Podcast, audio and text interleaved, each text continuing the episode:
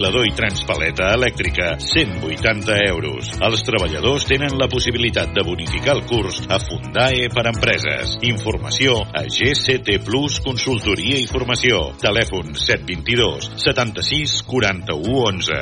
E-mail formació arroba gctplus.com. Hora 14. Catalunya Central. Eli Pagant.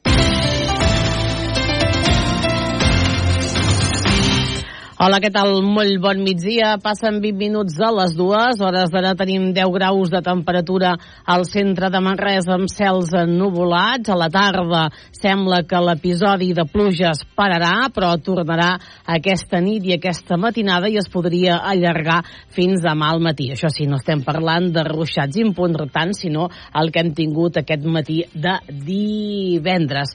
Les temperatures aquest cap de setmana que també han d'anar baixant i posar-se se una mica més a l'època en la que estem. Ara tenim cels ennuvolats. Arxivada la causa contra Anna Gabriel per l'1 d'octubre.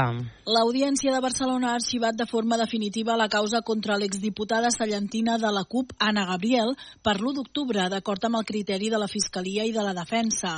I després que Vox, que exercia d'acusació popular, no s'hi hagi pronunciat. El 18 de gener del 2023 el Suprem va enviar Gabriel a judici per desobediència, però va traslladar la causa a l'Audiència de Barcelona, ja que ella no era aforada.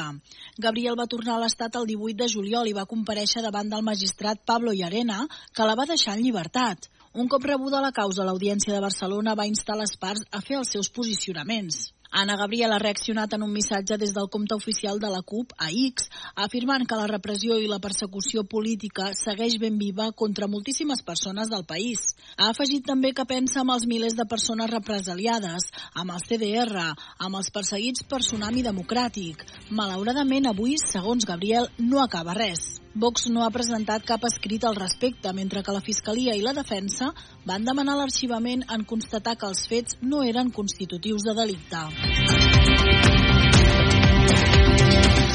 La consellera Laura Vilagrà ha estat aquest matí a Casserres, on s'ha trobat també a mobilització dels pagesos. Prop d'una quarantena de tractors han tallat aquest matí el trànsit al passeig del bisbe Comelles de Casserres per rebre la vicepresidenta del govern, Laura Vilagrà. El motiu era la reunió amb els alcaldes de les comarques centrals per presentar el projecte d'Estatut de Municipis Rurals, programada a les 10 del matí al local cultural del poble. Els pagesos es queixen que la pagesia no consta al text d'aquest projecte quan aquesta és la principal activitat econòmica de les zones rurals de Catalunya. Eduard Lledó és el portaveu dels pagesos del Berguedà. Ens hem mirat l'Estatut i amb el preàmbul de 42 pàgines eh, no surt ni, ni agrari, ni ramader, ni pagès, o sigui, no sé què estan pensant. Eh, nosaltres volem donar la nostra opinió, que som els que vivim al territori, que som els que gestionem els boscos, que gestionem les, eh, les finques, eh, se'ns ha de tindre en compte, se'ns ha de donar veu i estem aquí per, perquè se'ns escolti. La vicepresidenta Laura Vilagrà s'ha defensat de les crítiques dels pagesos i sosté que el redactat especifica de forma clara la defensa del sector primari a les zones rurals. S'ha de llegir el conjunt del document. El conjunt del document el que fa és justament tenir una mirada de centre en el món rural. És a dir, eh, sovint hem fet lleis que tant servien per Gisclareny, que és el poble més petit de Catalunya, al Berguedà, com per Barcelona. I això, evidentment, no pot ser, perquè això llastra doncs, els municipis més petits. Justament, l'enfoc és totalment diferent i el que fem és eh, promoure l'economia dels municipis més rurals, que, de fet, en molt bona part doncs, és la pagesia, és la ramaderia, és el sector agroalimentari. Per tant, jo crec que justament és al revés, crec que s'ha de llegir tot el conjunt del document i el que fa justament és incentivar doncs, aquesta economia en el territori. 97 pobles de les comarques centrals, més dels dos terços dels municipis de la demarcació, són inferiors als 2.000 habitants. Alcaldes i alcaldesses d'aquestes comarques han assistit a la reunió de Casserres, on la vicepresidenta els ha pogut detallar com és i què recull el futur estatut dels municipis rurals. No podem aplicar les mateixes normatives de la mateixa manera o les mateixes línies de subvencions arreu del territori, sinó que hem de tenir aquesta consideració, aquesta diferenciació entre els ajuntaments que són més rurals, més petits en població i que de fet perden població doncs, eh, en alguns d'ells com passa arreu de l'Estat o com passa a Europa, i que, per tant, hem de fer una llei específica que els protegeixi. Els pagesos han demanat poder llegir el seu propi manifest amb les seves reclamacions davant de tots els alcaldes i alcaldesses. Vilagra, però, ha estat molt acceptiva quan, preguntada per les reclamacions dels pagesos, ha aclarit que el text està fet des d'una visió municipalista i no econòmica, tot i que deixa la porta oberta a esmenar el text. No és eh, un estatut que tingui la mirada doncs, de, de l'economia, sinó que té, té la mirada del món municipal no? I, de, i de les lleis que afecten el món municipal. Per exemple, la llei d'urbanisme, per exemple, la llei de territori. Què fa aquest estatut? És un punt d'inflexió que a partir d'aquí hi haurà d'haver més modificacions legislatives. Per tant, no es tanca res, és un estatut base que a partir d'aquí, òbviament, eh, tindrà tota la mirada doncs, de canvi en altres lleis. Canviem de tema. Les, els metges i les infermeres d'àrees d'atenció primària de difícil cobertura cobraran entre 4.000 i 2.000 euros més a l'any. Els metges i infermeres d'àrees d'atenció primària de difícil cobertura cobraran entre 4.000 i 2.000 euros més a l'any. Un de cada cinc equips d'atenció primària a Catalunya té dificultats per cobrir les places de metges i infermeres. Són sobretot de zones rurals, com els de la regió sanitària de l'Alt Pirineu-Aran i alguns de la Catalunya central, també de Girona, Lleida, Penedès, Tarragona i Terres de l'Ebre, però també n'hi ha de la costa per la sobrecàrrega estacional. Per atraure-hi professionals, Salut ha creat un nou complement que implicarà que els metges de família i pediatres d'aquestes zones cobrin entre 3.500 i 4.000 euros bruts més l'any i les infermeres, llevadores i treballadores socials uns 2.000.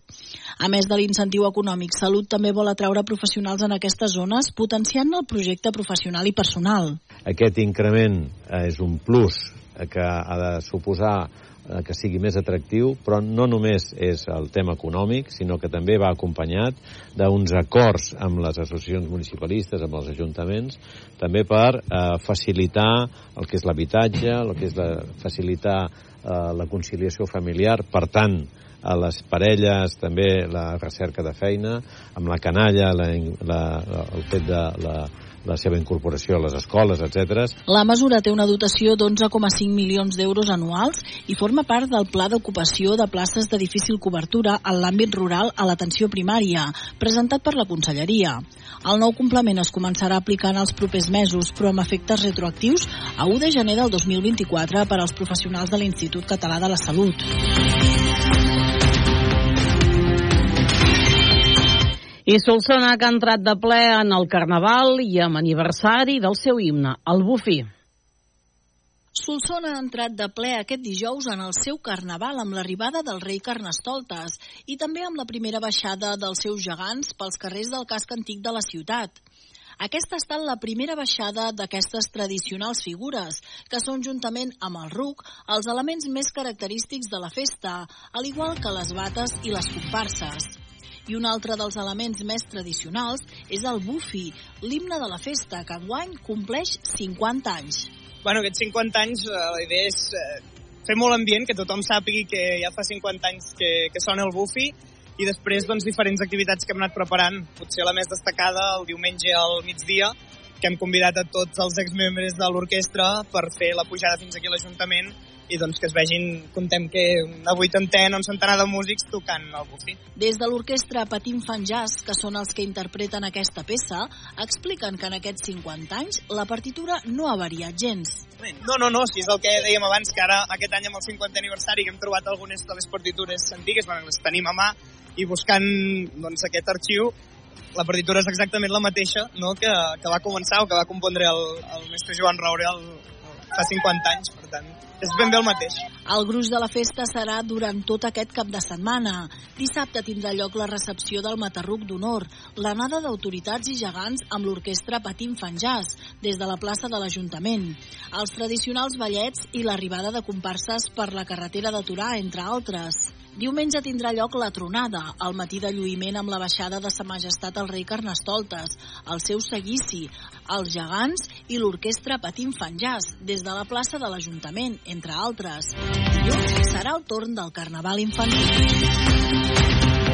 Cap de setmana de molta activitat, Carnaval de Solsona, com els explicaven, Carnaval de Sallent i també aquest cap de setmana més de 3.000 racions d'arròs se serviran aquest diumenge de Carnaval amb aquesta festa tan tradicional com és la Festa de l'Arròs de Sant Fruitós de Bages, que enguany també arriba amb novetats com la nova vestimenta del gegant Sala i Ricardi. Això serà aquest diumenge amb activitat des de primera hora del matí. Pel que fa als esports. Difícil compromís el del Barça aquest cap de setmana que s'enfronta aquest diumenge a la tarda al Congost el potent Barça. Són dos quarts de tres. Bona tarda i bon cap de setmana. Es hora de dialogar. dialogar.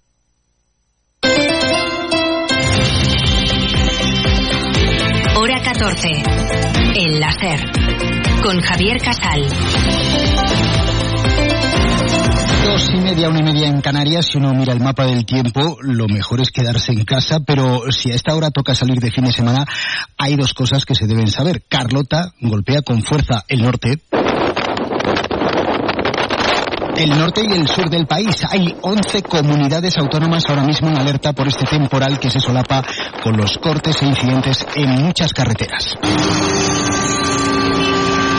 Vivimos el cuarto día de protestas de los agricultores que con el tractor en Pamplona, Bilbao o Toledo. Para los que van en coche ahora mismo, como cada día vamos con los puntos calientes, esos lugares en los que no se circula o se circula con muchísima dificultad. Toñi Fernández, ¿qué tal? Muy buenas tardes. Buenas tardes. Para empezar, hoy muchas de las carreteras tenían un plus de dificultad porque a las protestas que en este momento concentra principalmente Andalucía hay que sumar el sonido de los parabrisas. Sevilla tiene colapsadas la 4 y la 92.